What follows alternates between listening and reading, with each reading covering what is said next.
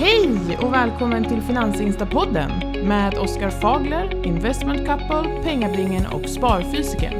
En avslappnad podd om ekonomi där du får vara med och styra innehållet. Se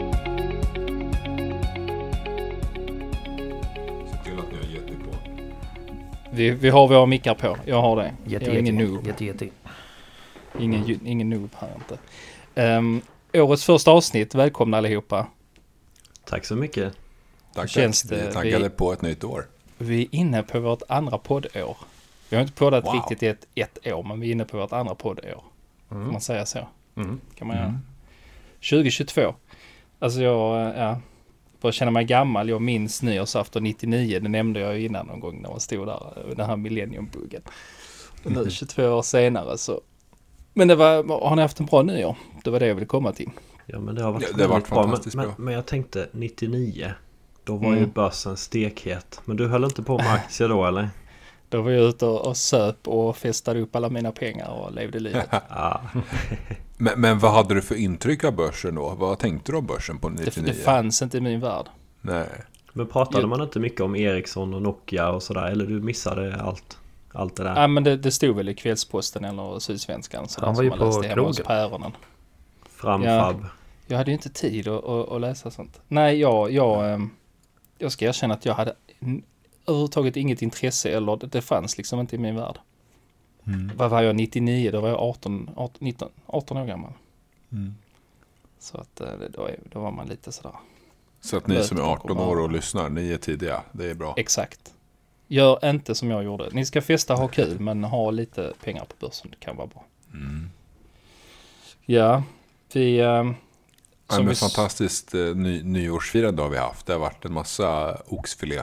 har det gött. Eh, Jag käkar faktiskt inte oxfilé på nyårsafton. Jag, Nej. Nej, jag käkar faktiskt spätta. Panerad Jaha. spätta. Vi blev så jävla sugna på det så vi köpte det. Men du brukar väl köra oxfilé, sparfysiken? Ja, Du är Ja, ja. en köttberoende beroende du? köttoman. Ja, köttoman, precis. Köttoman. Mm. Nej, men vi tittar faktiskt på fyrverkerierna inne, inne i stan. Mm, Det, det är så här kul omväxling. Det var väldigt mycket fyrverkerier. ja det är Trots Mm, eh, det här... eh, har de inte förbjudit massa olika sorters fyrverkerier? De som smäller Men det har de säkert, men jag vet inte vem det är som skjuter dem där. För att det känns ganska kontrollerat. Eller jag vet inte. Det är, eh, Ja. De var överallt i alla fall. Och med stan så menar ni inte typ Leksand eller något sånt där utan ni menar ju Stockholm såklart. Stockholm, Ja, precis. Stan. Precis som att det är stan för alla. Ja. Ja. Nej, men du... Var det fint då? Ja, men det var ju fint. Det var Jaha. faktiskt jättefint. Ehm, Sen så eh, hamnar man ju ofta i det här att, att man ser på nyårsafton genom mobiltelefonen snarare än upplever det i verkligheten. Man vill ju filma allting. ja, lite så. Det är som Ja, när man är på men- konserter också. Filmar för mycket. Ja, men liksom. I år bestämde jag bara att nu ska jag inte filma ett dugg, jag ska bara ja, njuta. Mm. För man tittar ju inte på de där filmerna ändå. Alla ska smsa sen i 15 minuter och skriva gott nytt år till varandra och sånt. Och sen bara, jaha, nu var det över. Ja, Fan, jag missade. Vi hade sån jäkla dimma så jag såg ingenting. Vi var hemma på nyårsafton i Skåne och det var så jäkla dimmigt här nere så att det var inte lönt att titta ut överhuvudtaget. För mycket, Men- det kanske var röken från alla fyrverkerier. Ja, så kan det ha varit. Mm. Nej, vi körde någon sån här party, sån här, vad heter det? Så när man drar i ett sånt snöre så kommer det ut lite glitter så jag tyckte kidsen var kul. Mm. Ehm, galen första börsdag. Nu, nu, nu släpps ju det avsnittet en vecka efter första börsdagen. Men Mm. vilken börsdag det var igår. Det var helt sjukt. Det Det säger, det säger ni bara för att Tesla gick upp så mycket. För oss andra var det en, en normal börsdag. det var det 13 procent upp. Vad negativ jag låter. Det säger ni bara. Hacka på allting. Jag är inte bitter. Nej, men vadå, du ska inte säga så mycket. Dina fastighetsbolag och investmentbolag har ju flugit förra året. Ja, det har varit, eh, ja, det har varit en bra tid. Mm. Du är ju tung i fastighet. Har du någon gång suttit och räknat ut liksom procenten? Hur mycket fastighetsbolag du har? för jag räknade på, jag har ju räknat på hur mycket jag sitter med i investmentbolag. Men jag har ju flyttat över mer och mer pengar i fastighetsbolag har jag ju Ja. märkt. Lite, liksom, lite i taget. Men men det är Odd Molly och det är Klara Bo och det är alla de här SBB och allt vad det kan vara. Ja, precis. Sen har jag ju kvar de här jag har ägt väldigt länge. Balder och Castellum och dem. Men jag gillar ju det med fastighetsbolagen att det finns starka ägare och de, de säger ofta ja, om fem år då ska vi ha det här fastighetsbeståndet och vi ska ha den här belåningsgraden och de är väldigt tydliga med sina mål och det gillar jag. Mm. Ja, och sen så, du kanske varit eh, ganska mycket en utdelningsjägare från början? Precis. Eller? Eh, ja men det har jag ju. Då var det ju Castellum eh, Mm. över 20 år i rad av höjda utdelningar där som lockade. Och Nu är det ju många fastighetsbolag med som, som återinvesterar sitt kassaflöde och bygger eh, större och större fastighetsbestånd och sådär. Och det tycker jag är ganska spännande nu. Det byggs De här aggressivare överallt ju. strategierna. Ja, Det byggs precis. överallt och det måste byggas också mycket. Man ser ju det på bostadspriserna också på eh, lägenheter och hus och särskilt sommarstugor. Jag vet inte vad det var upp. Var det var inte det 19% eller något sånt förra Mm. året? Mm. Helt helt, Har ni- galet. Har ni sett att Ikea har gett sig in i byggbranschen? Nej. Hus, husbyggsbranschen. De, tillsammans med Skanska Nej. så gör Ikea hus. Jag har sett Ja. dem. Eh, Jo, finns här i Skåne. Jaha, är det Men vadå, hus? är det så här ja, just det, bygger väl hus själv, eller? också tror jag. Eller, ja, lägenheter och hus. Ja, Ja. precis. Bygg det själv. Är det så här, bygg ditt hus själv. Ja, ja, du hämtar det på sånt hämt, hämtlager och så sätter du ihop det. Nej, men Här det, får du det är så- materialen för 600 000 Den bygg. bruksanvisningen liksom. Man får sån eh, sexkantsnyckel. Man ska bygga ihop hela huset. Man bara, va? Ja, men när man ser husen så bara så, ja det här är Ikea, tänker man. Eh, lite så. Ja, Deras stuk. Hur ser de ut då? Som, som Ikea-hus. Som i Ikeas varuhus. Nej men de är rätt snygga, jag tycker det. De, de ser rätt bra ut. Det, Håller de mer än tre år då? det, det hoppas jag. Ja. Vad heter de här eh, ja, lackhyllorna och de här borden ni vet? De är typ tillverkade av så här sammanpressad kexchoklad eller något känns det som. Som någon har spraymålat lite. Tänk att bygga hus av det. Mm. Men de är ju i blåsvädret nu, Ikea ju. De har ju det här med Ukraina och, och skogen där de skövlar. Har ni inte läst Ja, det det har där? jag missat också. Nej, Ja, jag har bara det- läst att de... Mm, berätta. Ja, det var någonting med, med um, träet de använder till sina möbler. Kommer från, delvis från Ukraina. Och där skövlar de skog då eh, och tydligen dåliga arbetsförhållanden och eh, ja, allting är, är riktigt dåligt. Såklart så var det nog Aftonbladet som nystade upp det här. Mm. Eh, Bra att det kommer upp till ytan men det känns som att vi har viktigare problem att fokusera på. Så det känns som sådana grejer blåser över ganska fort. Alltså där är alla större Men- företag har någon liten hand Ja. i syltburken. Där jag hörde ju nu också, eller läste en artikel om, om vindkraft. Att man använder balsaträ delvis till uh, rotorbladen. Eh, och, och sen så tydligen så skövlar de då Amazonas för att få den här balsaträet. Miljövänligt. Dubbelmoral liksom. Men, Ja. men där finns tydligen inget annat material sådär som, ja de håller väl på att få fram nya material men ja.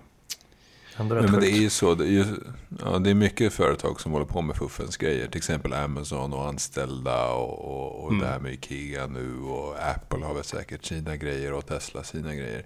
Tyvärr är det ju så. Men, men, men man märker ju ändå att det är en trend att allt sånt ska bort. Så det är bra. Mm. Jag tror det grundar sig också mycket i, alltså det, det är all välmening från början och sen så stora företag kan inte ha kontroll ner på marknivå. Alltså det, jag förstår att det är svårt. Ja, precis. Det, det är svårt. Mm, ja. Det där med att flytta allting till Kina det har ju gått tillbaka nu. Försöker man flytta, flytta hem produktionen märker man ju. Mm. Eh, Några av de här aktierna som gick bäst förra året det var ju Note och eh, Hansa. De här kontraktstillverkarna. De har, verkar ha jättemycket att göra här nu. Mm. När alla vill eh, producera på hemmaplan istället. Intressant ändå. Mm. Lite kul ändå. Ja, Men är det på grund av pandemin då? Att folk inte vill ha- det långt bort då? Eller vad beror det på? Vet inte men det har ju varit väldigt svårt med leveranser och sånt där. Så man Mm. kanske börjar tänka mer att man vill tillverka grejerna lite mer på hemmaplan. Sen vet Mm. jag inte om det har blivit lite krångligare politiskt med i Kina till exempel och, och sådär ju. jag tror det är en kombination av de sakerna. Ja, kanske högre löner också borta i Kina nu än vad det har varit tidigare och så. Jag har ju läst, jag hänger lite e-handelsforum och, och lite så. Och, och vissa som importerar då ja, från Kina och så här. Det är ju extremt svårt att få tag om man ska ha hem en container med grejer. Mm. Det är huggsexa på att få tag i en container liksom. Och sen är ju priserna helt störda. Eh, så att ehm, mm, jag förstår att många vill försöka få det lite närmare. Ja, för att återkoppla till ämnet så, vilken jäkla börsdag. Är, är, dina, är dina öron gröna, PB? Ja, de mår bra. De har inte varit så rädda nu. Det, det har varit väldigt eh, fin period här på börsen. Men Oskar, eh, hur mycket var din portfölj upp där när Tesla gick upp med 13%? Ja, det var väl Bara, en bara en liten recap. Det här är alltså första börsdagen. 340 000 Ja. tror jag eller något sånt där. Satan. Fan vad sjukt. Ja, Oj, Ja. Mm. Det är så att det, det gjorde alltså... Ja, det gjorde en årsavkastning på en dag. Ja, man kan ju hoppas att den håller sig varje dag resten av året. Det hade ju varit något. Det, Ja, det hade Ja, varit wow. något. Nej, men den, eh, den kommer ju rekyla ner. Vilket den gjorde idag också. Men eh, Ja, det, det där fick mig att tänka lite på den här eh, berättelsen som man brukar dra eh, när det är någon bonde som pratar med någon kung och sen så ska man liksom dubbla antalet riskorn eh, på Ja, schackbrädet för Mm. varje, för varje liksom, eh, ruta. mm. Och så blir det två upphöjt till 64 då i slutet där. ja.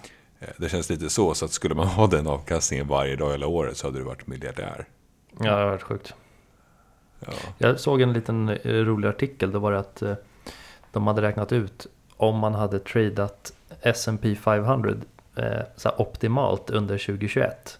Att man hade köpt Mm. liksom ja, det, bolaget, det bolaget som gick bäst varje dag. Eh, om man hade lagt in bara 1000 dollar i början av året så hade man haft över en triljon dollar. oj. Jag förstår Ja, varför det är folk ni försöker trada. traders. Så, men då ska man ju ta, det är en omöjlig task liksom. Men Ja, om ja. man hade tajmat alla aktier perfekt så hade man haft en triljon från en tusing liksom. Men, men i S&P 500 då är det 500 bolag. Då Mm. måste du liksom... Eh, oddsen att varje dag pricka rätt Mm. är Det finns 0,2 inte. procent. Mm. Så 0,2, det blir liksom 0,002 Ja, alltså, upphöjt till 365 eller någonting. Ja, det är omöjligt rent ut sagt. Eh, Det, det går inte. Men ändå lite kul vilken potential det ändå finns om man lyckas snurra så här. Ja. Ja, det är häftigt Att- med att sådana bara där räkneexempel. Man, man hör ju ofta om de som lyckas med det omöjliga också. De som får den här superavkastningen som Warren Buffett och sådär. Mm. De som verkligen sticker ut och, och gör det under Mm. lång, lång period. Men kollar man på eh, Jag har ju pratat om det innan med Peter Lynch, eh, hans fond Magellan Fund att eh, de flesta som investerade där förlorade pengar trots att den avkastade över 20% per år där under 13 år. Och man ser ju det också eh, hos nätmäklarna. De brukar ju släppa sån här statistik. Hur deras kunder presterar jämfört med index. Och det är ju många som underpresterar ser man ju. Men Mm. i sociala medier ser man ju nästan bara de som slår index. Det är Ja. spännande. Det ju det. Men vad, vad sa du, de förlorade pengar fast den har gått 20%? Jag hängde inte med. De, eh, många investerare i den här fonden de, eh, Den här fonden gick ju upp och ner väldigt mycket Men i snitt gick den upp 20% per år Mm. Men det var många som köpte när den hade gått upp mycket Och sen fick de panik och sålde när den Mhm. började gå ner Ja, de försökte tajma Så alltså. de tajmade det helt fel Mm. Ja, det är dumt. Så det, så det, det är coolt om man lyckas tajma det rätt Men det är nog större risk att man eh, Får panik och eh, gör bort sig istället Ja, Men det är ju så eftersom börsen tenderar att gå upp över tid så är det ju bara att försöka tajma är ju en extra risk liksom. Du har ju oddsen mot dig. Ja, det är som att plocka mynt framför tåget eller vad Warren Buffett säger. Det är bättre att bara sitta i tåget. Mm. Eh, oh yes. Ehm, vi ska presentera avsnittets sponsor i vanlig ordning. Så eh, vi tar en liten paus från vanliga pratet här nu och eh, så presenterar jag pengabingen Sigma Stocks. Sigma Stocks är en eh, aktiesparrobot som låter ditt sparande och dina investeringar gå på autopilot. Det är en unik spartjänst som är först ut med att erbjuda ett helt automatiserat aktiesparande i en portfölj som då skräddarsys efter ens egna mål och preferenser då. Eh, ja, det kan röra sig om, eh, man har vissa tankar kring miljö och hälsa och, och vapen och, och, och lite sånt här. Så kan man få en skräddarsydd portfölj där. Eh, PB, du har, du har startat upp ett konto där också. Du har kommit igång lite också. Eh, om jag inte har helt fel. Ja, och, ja men det stämmer. Jag måste säga att det är väldigt smidigt att komma igång. Mm. Man kommer igång på... Ja, man behöver i, i stort sett inga förkunskaper alls utan... eh, Och jag har blivit väldigt imponerad. Eh, det- De har ju ett, ett stort urval av aktier man eh, väljer mellan. Där ungefär 900 Mm. bolag. Och Både stora och små. Och, eh, ja, precis. Och standardurvalet där, det är standardfördelningen, det är ju eh, 50% aktier från den svenska börsen. Och det tycker jag känns ganska bra, Mm. för vi bor ju i Sverige och vi handlar ju med svenska kronor och så vidare. Så att det känns bra att ha en, en stor exponering mot Sverige. Mm. Och sen är det 30% amerikanska börsen och eh, 20% från ett par andra europeiska börser. Ja. Sen något eh, vi ofta pratar om här i eh, podden är ju att eh, man ska hålla nere på avgifterna och Yes. eh, där ligger förvaltningsavgiften på mellan 0,35 och 0,39 procent Mm. per år. Så att det är ju väldigt lågt får man ändå säga. Ja, det är väl en av de lägsta på marknaden. Precis och köper man enskilda aktier som, som, som jag gör en hel del då går det ju rätt mycket pengar i courtage det. faktiskt när man räknar, räknar på det så att eh, med så här pass låg förvaltningsavgift då är det ju det är väldigt förmånligt tycker jag. Det som är så bra med sån här, sån här tjänst är ju att även om du inte är, alltså du behöver inte vara insatt i hur det funkar med aktier och börs och sådana här grejer. Och det är ju det som är tanken här också lite att du ska automatiskt, det är ett automatiskt sparande åt dig så att du, slipper liksom behöva krångla med de här grejerna själv. Och jag gillar det, jag gillar verkligen det här, göra livet lite enklare faktiskt. Mm, för jag, jag tror det är, ett, det är väl en stor grej för många att man tycker att det är lite läskigt med Mm. börsen och det är svårt att komma igång och man behöver massa kunskap och sådär men eh, den där tröskeln för att verkligen starta ett sparande på börsen det har ju aldrig varit lägre. Det är enkelt att komma igång. Eh, det tar inte alls lång tid. Man skapar alltså ett konto på sigmastocks.com och när man då väl kommit igång så sköter sparandet sig själv. Från då köpet av självaste aktierna till optimering av ens portfölj eller då portföljer om man har flera stycken. Och så då till en av marknadens lägsta avgifter. Och sen kan man då enkelt följa sin, sin, eh, sin portföljs utveckling på sigmastocks.com helt enkelt. Och ehm, jag vill ändå passa på att lägga in en disclaimer också. Historisk utveckling eller historisk avkastning är ingen, ingen garanti för framtida avkastning. Eh, och alla investeringar innebär en risk. Man kan förlora hela eller delar av sitt eh, kapital eh, som man investerar. Så det ska man vara medveten om. Men med det sagt PB så fortsätter vi dagens avsnitt, eller vad tycker du? Det tycker jag. All right. Ja, och sen gick så bra där med, med Tesla. Då passade jag på att bränna pengar på lite NFT. Mm. Du, du, ja, ja, det gjorde jag också. Det var lite, lite galet. Vi, lägger in en disclaimer här. Det är liksom, det är ju bara en, en krydda. I alla fall för mig. Lite sam- halvgalen grej. Nej, jag, jag fattar ju fortfarande inte grejen riktigt. Men eh, Nej. eftersom folk vill ha det så då kan man väl passa på att försöka lite. Man säger ju alltid att man ska förstå sina investeringar så här, men eh, och, och ehm, ja, ibland kanske man inte, inte måste det. Jag vet inte. Spår. Nu, först, pratat ett helt år. Man bör förstå det man köper. Nu nej, ni behöver, Ja. ni behöver inte förstå något. Köp bara, köp. Ska vi förklara kanske först vad en NFT är? Vill du börja då Oskar eftersom du har köpt nu? Ah. Nej men det är väl ett digitalt samlarobjekt kan man säga. Ja, Mm. det, det, det, det verkar så va? Eh, Typ att man äger någonting på nätet. Eh, Man, man, man äger metadatan till det. Det Ja, är det är ju Fröken. Investera som har skrivit mest om detta. Ja, just det. Får ta in Men en det är ju uppsäkrat, uppsäkrat via, alltså via blockkedjan så att du är ju liksom du äger ju inte bara en skärmdump eller en bild på det sättet utan du är ju den faktiska ägaren till datan Mm. av den här bilden liksom. Precis och det har väl varit mycket apor och grejer som folk har köpt men nu har ju Disney och DC och eh, andra Ja, Coca-Cola det. och stora varumärken börjat släppa sina NFTs så då känns det som att det har blivit mer eh, mainstream. Ja, det var därför jag köpte vad- lite också. För jag tänkte i början var de där, ja, men i början var de där aporna och, och massa skit. Jag fattar Mm. ingenting. Folk bara skapar en bild och säljer den typ. Men sen Mm. nu när det var lite Disney och Cola och Marvel och allt det där. Då känns det ändå lite mer ja, men samlarvärde på något sätt. Något seriöst liksom. Mm. Så då, Mm. Ja, det känns som att det har fått en lite mer seriös stämpel. Och efter allt tjat i sociala medier och allt vad det är så, så ja, vi la faktiskt 20 dollar och köpte eh, någon, någon comic som jag inte ens vet vad det är faktiskt.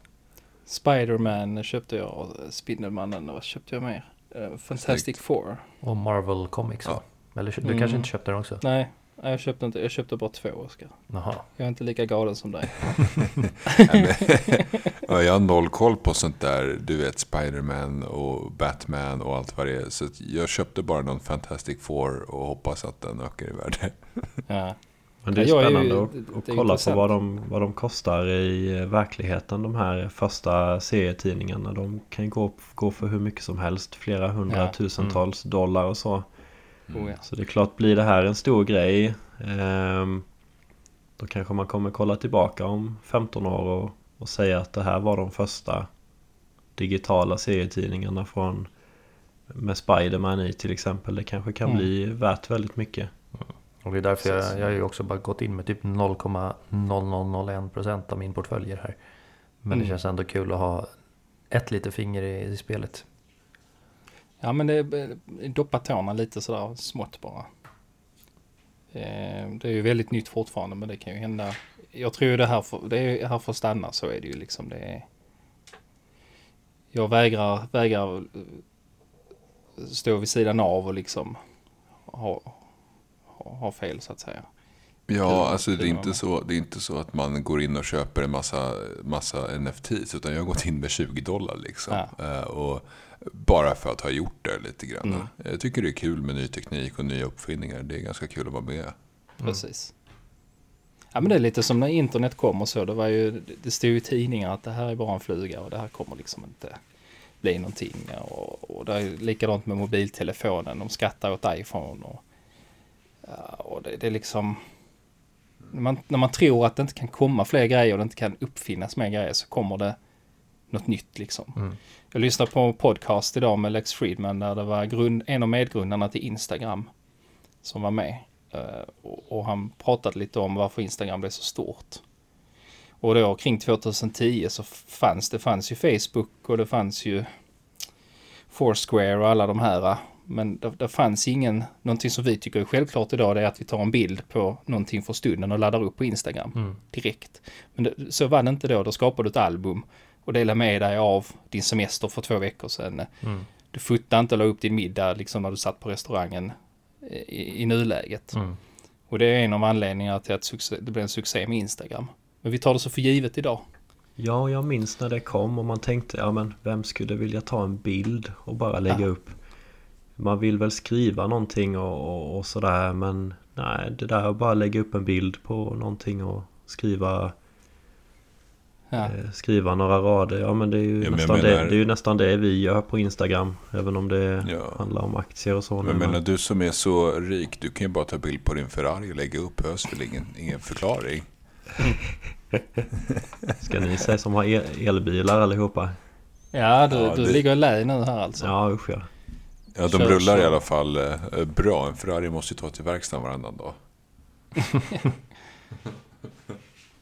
Nej, men det är lite, hur känns det att vara kvar i stenåldern där, pengabingen? Nej det är dyrt med dieselpriserna. Jag såg, en, Fan. såg en bild där, 20 kronor liter. Ja, jag skickade ju den ja. Eh, hur, hur, mycket tar det, hur mycket kostar det att tanka bilen? Har du 70 liter i Eh. tanken så är det 1400 spänn. Jag brukar göra så här faktiskt och det här låter ju konstigt Men jag kör ju till den här eh, lampan lyser då att nu, nu kör du på reserven här. Och då kör jag ju till macken. Och, och sen tankar jag sen, Jag vill inte att det ska gå över 1000 kronor. Så jag brukar stanna precis innan. Då blir det ju inte full tank. Men, men det gör ont att kolla om det går över 1000 kronor. Och det tickar på snabbt nu ju. Det tickar ju på väldigt snabbt. De här 20-lapparna bara flyger ju på mätaren Ja, Okej, du, du är alltså nästan dollarmiljonär med tänker på 20-lappar när du tankar. ja Men det gör ont att kolla på mätaren tycker jag när den tickar på Ja men det kommer jag ihåg också när jag tankade. Jag hade också 70 liters tank. Det, det går fort alltså. Och det, bara, Ja. det tar aldrig stopp heller. Så jag fattar varför det stannar vid 1000. Ja, det får man göra Man får dra gränsen någonstans Ja, men nu har vi faktiskt gräns. Eh, lyxen att eh, när man kommer hem så kopplar man bara in eh, Teslan i väggen och sen så laddar den. Säg att den laddar från 40 till 80 till exempel och då står det i slutet ja men du har laddat 30 kilowattimmar. Mm. Och då vet man att med dagens elpriser på 6 kronor kilowattimmen så är det ju typ som att tanka. Men du får ju ladda, la, men det, det är ju... Man får ladda Nej, vi har faktiskt fast el. Nej, men vi har har det, fast okej. elpris och det är Ja. riktigt bra pris just nu men det kommer nog ändras. Mm. Eh, Jag tror vi pendlar mellan... Nu har vi ju inte eget avtal utan det är hyresvärden som har det här på gården. Men vi har historiskt haft 1,50 per kilowattimme med alla avgifter och allting. Mm. Men det kan ju såklart gå upp nu. Eh, Ja, jag har faktiskt räknat lite så här överslagsräknat. Vi kör typ 200 mil per eh, vad heter det, månad.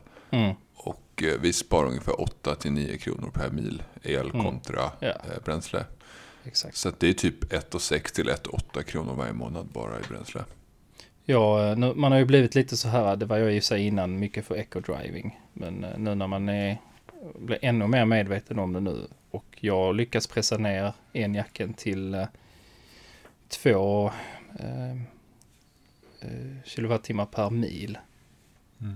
Och betalar jag 1,50 här hemma så är det ju 3 kronor milen. Mm, precis. Eh, Och en vanlig bil kanske, säg att den har 0,6 i förbrukning. Dieseln kostar 20, det är 12 kronor milen. Mm. Eh, ja, och då, då är skillnaden 9 kronor ungefär som jag kom fram till. mm. Eh, och kör man då 2000 bil per år, då är det 18 000 kronor skillnad. Men vad snittar en Tesla på? Ni, ni, du Oskar som har, som har Tesla. 1,7 ska den ju, vår i alla fall. Ja. 1,5 på Model 3 tror jag. Ja, jag, jag har inte koll, jag bara bränner på. Ja, jag bränner också på. Jag har 2,6 ofta. Mm. Så jag är ofta 50% högre än vad det ska vara. Ja. Jag Kör, kör jag utan att tänka mig för så landar jag på kring 2,5. Mm, då, då landar jag på 2,2 tror jag vi har som långtid. 2,1, 2,2 har vi som långtidssnitt Ja. faktiskt. Ja men det är bra, det är riktigt. Men det är mycket fullkörning. Mm. Ja men det är kul, kul att trycka på gasen. Ja. Skulle jag Ja. köra som en normal människa så är det nog 1,7 som de säger att det ska vara. Mm. Men på tal om eh, rusande dieselpriser och elpriser. Tror ni börsen kommer eh, fortsätta upp 2022 då? Ja, jag, jag la upp ett inlägg om det i vårt flöde. Och det är ju att, eh, att börsen tenderar att prestera bra året efter att det har presterat bra. Mm. Eh, Så att Det ser är ju man en eh, evighetsmaskin uppgång- då ju. Ja, faktiskt. Nej, någon gång kommer, det- kommer det gå ner. Och anledningen att det ser ut så är för att typ 70% av alla år är ju positiva år. Mm. Så- Men generellt när börsen har gått upp minst 20% ett år så brukar den faktiskt gå upp ganska mycket. Jag tror medianen var 11% året därefter. Mm. Så du tror på ett positivt 2022 alltså? Om jag utgår från, från statistik, ja. Ja, jag såg ju lite statistik på S&P 500, det här stora amerikanska indexet, att eh, det hade gått upp eh, 30, eh, 31 av de senaste 40 åren. Så att det är Mm. ungefär däromkring. Mm. 75% eh, positiva år och den Ja. svenska börsen har ju gått ännu bättre. Så det är ju, det är ju goda, goda odds för att det ska fortsätta upp men samtidigt Jag vet inte ändå efter ett sånt här pangår. Jag är i alla fall inställd mentalt förberedd på att det kan Kan, eh, kan komma en, en dipp. Alltså oavsett, oavsett om det går upp eller ner så, så får man försöka se det positiva. Går det upp så är det ju kul för att innehaven går upp. Går det ner, ja men då, då kan man ju ackumulera på sig lite mer aktier och fonder än i vanliga fall kanske. Mm. Alltså det är köp, köpläge. Så länge man tänker på att det liksom inte är värt att tajma marknaden så är man ju ganska cool. Nu liksom, Mm. Man kan inte göra det bättre. Men du kan ju chansa Nej, på att tajma men i längden, du kanske lyckas ett år eller två år. Men sen till slut går man ju back. Det har ju, finns ju många eh, undersökningar på det där. Mm. Precis, man ska ju inte eh, panikändra sin strategi. Har det fallit 30% ska man ju inte bara åh, nej jag kanske skulle haft eh, 30% räntefonder. Då är det ju liksom för sent utan det gäller ju att vara mentalt förberedd innan det händer och, Mm. och vara beredd på allt. Mm. Det tror jag kan vara ett bra löfte för, för folk som är på börsen och är relativt nya och kanske inte har det här riktigt att hålla sig kall är att försöka hur det än går att, att fortsätta, fortsätta spara och investera. Mm. Hålla sig till sin initiala plan. Men jag kan ju säga där på botten eh, 2020 Då var jag ju mest trygg med att öka i Investor som jag visste har, har liksom haft igång en välfungerande verksamhet i över 100 år. Och även de här stora amerikanska techbolagen med 100 miljarder dollar i kassan. Det Mm. kändes ganska tryggt också. Så man kan väl fundera på förra gången det gick ner väldigt mycket. Hur, hur kände du då? Vilka aktier var det du var trygg med att eh, öka i då? Och kanske förbereda sig redan nu. Sen kan det ju fortsätta upp eh, lika mycket som det har gjort nu men man vet aldrig. Det kan vara bra Mm. att fundera på. Mm. Mycket klok eh, reflektion. Jag hörde förresten ett skrikande barn där i bakgrunden. Ja, det är Mm. mitt. Börjar bli dags att gå iväg och vara pappa igen för Eh. ikväll. En, en avknoppning som jag brukar säga. En avknoppning. En avknoppning ja. Ja, just det. Nej gisses. Jag har en snart tvååring här. Fyller jag nu om bara någon vecka. Det är helt sjukt. Det går så fort. Galet. Mm. Så är det. Ska vi avsluta med en sista grej och sen så kan vi eh, runda av. Absolut. Mm. När vi ändå pratar om börsen, vad tror vi om bostadspriserna? De går väl alltid upp så de fortsätter väl gå upp. Permabull. Ja men verkligen, det, det finns ju ingen stopp på det. Det har inte gjort de senaste 20 åren. Ja. Gå- Gårdarna får gärna gå ner här i Skåne så, så jag kan köpa en billig gård. Det, Är det någon som ska sälja en gård i Skåne så hör av er. Men jag tror bostadspriserna kommer aldrig sluta gå upp förrän räntorna stiger så att folk inte har råd liksom. Det är först Ja. då priserna kyls av lite. Annars. Och i och med att man har pratat lite grann om stigande räntor i år då, Federal Reserve gav ju lite signaler på det. Så att kan det ju kanske plana av i år om räntorna skulle börja ticka uppåt. Mm. Men annars så håller jag nog med dig att bostadspriserna kommer nog bara uppåt. Mm. Så är det nog. Mm. Jag ser ingen eh, nedgång i sikt i alla fall. Nej, och skulle, det, skulle de gå ner så skulle det drabba ekonomin väldigt, väldigt mycket. Mm. Eh, Just det här med höjda räntor och sänkta bostadspriser. Det skulle drabba medelklassen väldigt mycket. Mm. Mm. Ja, Så är det. ett mjukt första avsnitt. Mm. Eh, Jag vet inte om vi skulle kört ett frågeavsnitt nästa gång. Det var länge sedan nu tycker jag. skulle vi kunna göra. Låter bra. Ja, Kan vi vi inte... gör det. Jag tänker nu i och med att det är första avsnittet på året.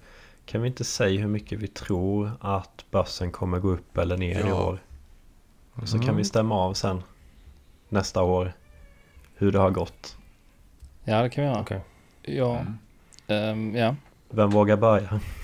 Eh, Jag, jag tror att man inte kommer kunna höja räntorna i år.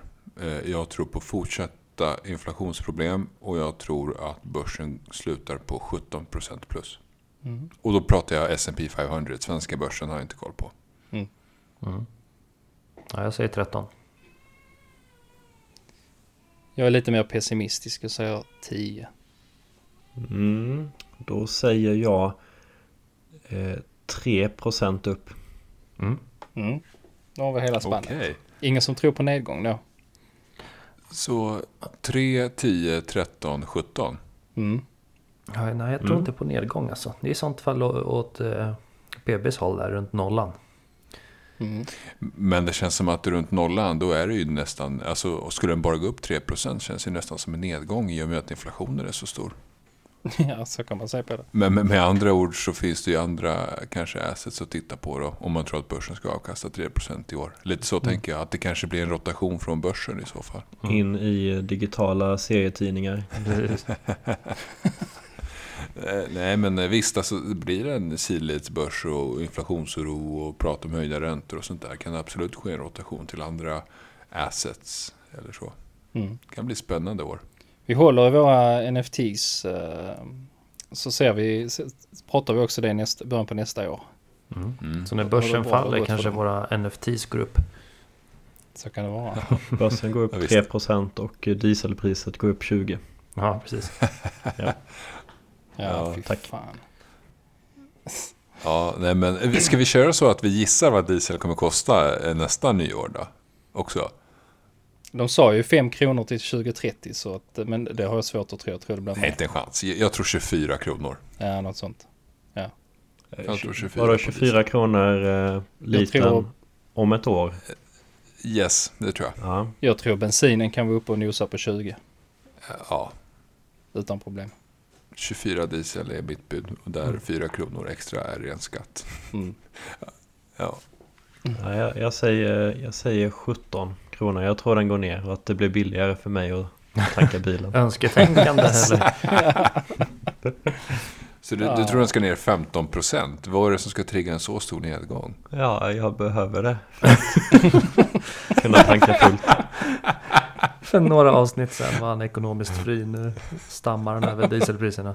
Jag behö- Det går i behöver det nu. 15% mer diesel i tanken och jag eh, vill tanka Fast fullt. det, stä- det stämmer inte för att nu, det är liksom dubbelprisökning nu. Därför att de har ju både höjt priset men också blandat in sån här HVO, Mm. eh, HVO-grej som, är mindre, som gör det mindre effektivt. Mm. Eh, Mm. Så att egentligen eh, tror jag det kommer färre mil på, på samma mängd bränsle numera. Vi kollar, vi kollar nästa, nästa år vad du har för elbil, pengabingen. Helt Ja. enkelt. Vad det är. Precis. Ja, vi får se. Mm. Ska vi säga så? Vi säger så. Det gör vi. Ja. Ha det bra grabbar. Ja, tack för den här gången. Ha det bra. Hej hej. Hej!